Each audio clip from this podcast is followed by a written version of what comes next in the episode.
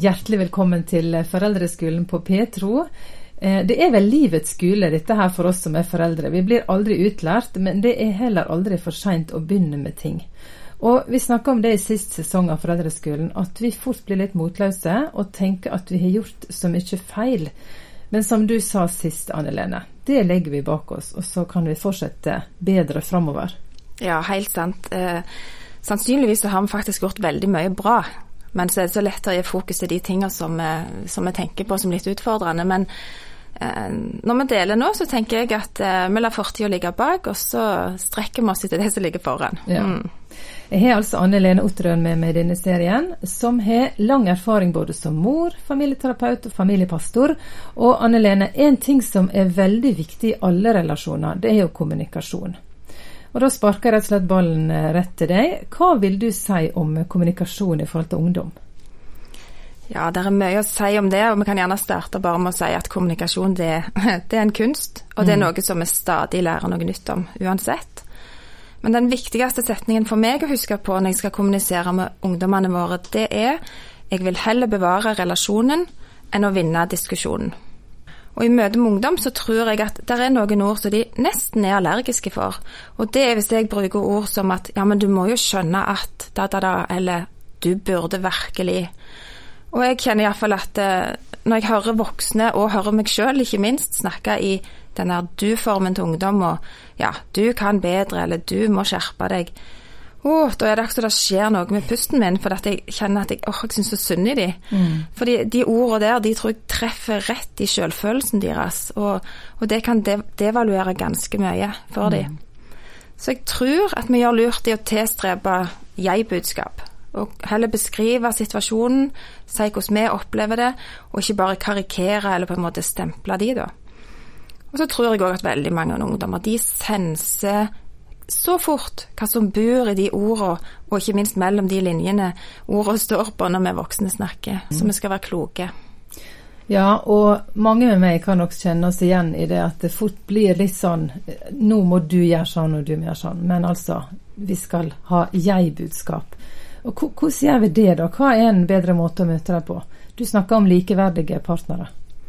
Ja, jeg tror at det kan være lurt å være bevisst på om vi vil kommunisere nettopp som likeverdige partnere i møte med ungdommene våre, eller om vi vil stille oss i en disposisjon der vi vil på en måte lære dem noe eller fortelle dem noe og bare si at sånn er det.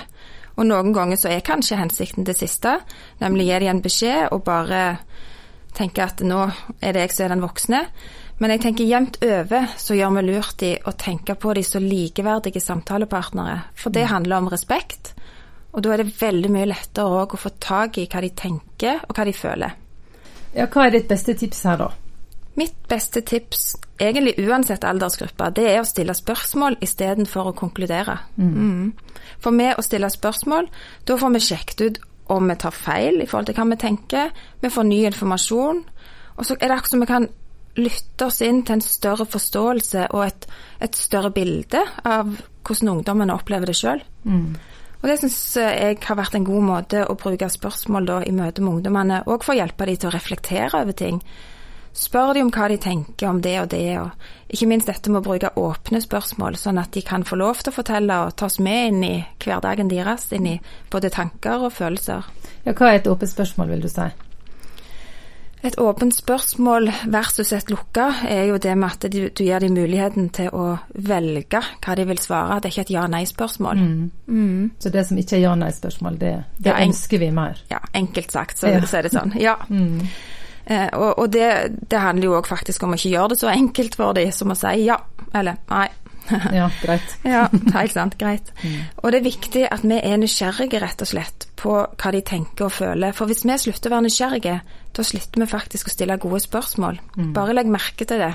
Hvis det er at du allerede har konkludert, så forsvinner spørsmålene i samtalen. Og da får vi jo heller ikke svarene fra dem. Så det er å bare sjekke ut har jeg forstått rett, ta oss tid til å være i situasjonen så lenge som ungdommene trenger det, det tror jeg handler om aktiv lytting. Ja, og aktiv lytting er et stikkord eh, her, altså. Eh, kan du gi et lite eksempel på hva, hva aktiv lytting, hvordan det kan se ut? Eh, ja, f.eks. hvis en ungdom kommer hjem og sier at 'Åh, jeg er så sliten, alt er bare drit'. Eh, da kan jeg velge om jeg vil minne hun eller han på når la du deg egentlig i går, husker du? Ja. ja. Det er ikke aktiv lytting. Nei, ikke helt. Det er fort at du bare lukker samtalen da. Men hvis jeg heller velger å være litt nysgjerrig da på hva tanker og hva følelser gjemmer seg bak disse ordene, så kan jeg f.eks. velge å si noe sånn som at vet du hva, jeg skjønner godt at du syns det er mye nå, men har du noen tanker om hva det er som gjør deg mest sliten? Eller så kan en bare parere setningene med å gjenta ordene deres, f.eks. å bare si 'sliten'. Da er det akkurat som jeg inviterer de inn til å fylle ut litt mer i forhold til det de har sagt. Mm. Og selv om jeg eller du gjerne sitter og tenker på en løsning, så er jo kunsten da å bare lukke munnen og la de få lov å tømme seg.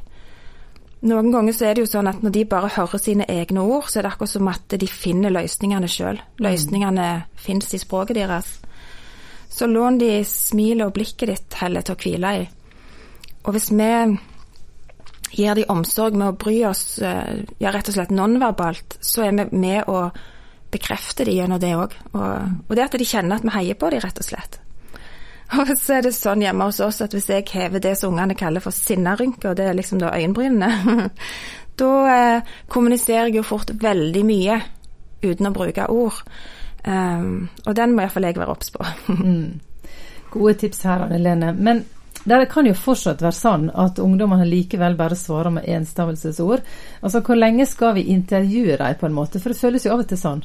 ja, godt innspill. Ungdommene er jo enormt forskjellige. Noen er introverte, andre er ekstroverte.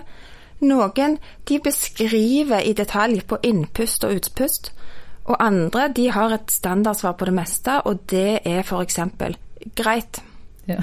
Hvordan har du hatt det på tur i helga? Eh, greit. Hva syns du om de nye skoene? Ja, grei de. Og iallfall er det sånn for meg, i møte med det ordet greit, da dirrer jeg litt. Jeg blir litt utålmodig, rett og slett. For jeg har så lyst til å høre litt mer. Men hvis jeg da sier at herlighet, du har vært vekke ei hel helg, og alt det du kan si er liksom greit, da vet jeg jo at da har vi parkert. Ja. Da er samtalen over. Men sånn som i stad, det der med å gjenta, hvis jeg da sier bare greit, og får på en måte inn et spørsmålstegn bak det, så hender det jo ofte at det kommer litt flere ord. Og så er det ikke sikkert at jeg får beskrevet med alle de adjektivene som gjerne jeg kunne tenkt meg å høre, men jeg får et litt større bilde. Og så er det faktisk noen ganger at jeg tror vi bare skal respektere og akseptere at nå er vi inne i en sesong for enstavelsesord, og bare la de være i fred. Ja. Mm. I gatene her i Sandnes så er det en del omkjøringer for tida. Og da står det gjerne på skiltet 'stengt pga. ombygging'. Og sånn syns jeg det kan føles i perioder med ungdommene våre òg. Det er akkurat som det er stengt. Mm. Det er noe som skal bygges om. Men så tenker jeg det er forskjellige faser. De endrer seg. De får nye nyanser som de føyer til. Og én ting som stopper ungdommene i å fortelle oss ting, det er i alle fall hvis jeg da går inn og enten avbryter setningen, eller faktisk Jeg kan ta meg sjøl i å fullføre setningen for dem. Det er jo Ja. Det er jo oppskriften på å få dem til å tie. Sånn at la de få lov å snakke ferdig, tåle om det er stille en stund, og rett og slett la de få lov til å legge merke til hva de har sagt, mm. og hvordan vi responderer. Mm. Det er veldig bra tips. Jeg kjenner meg veldig igjen i det, for jeg vil så gjerne hjelpe. Og tenke mm. at her forstår jeg hva du egentlig skal fram til. Mm. Jeg har noen gode svar til deg, men det er altså ikke rette måten. Og det ser en jo på ungdommene òg, da. Altså vi skal lytte og ikke avbryte, og være tålmodig, har du sagt, Anne Lene. Vil du fortsette ja. oppsummeringa litt? Ja, eh, oppsummert så kan vi gjerne si at noe av det vi ønsker når vi kommuniserer med ungdom, det handler jo om at vi vil invitere oss inn i deres verden. For at vi ønsker å bry oss om dem, forstå hvordan de har det, få en mulighet til å forholde seg til, til det, da, og mm. handle ut ifra det.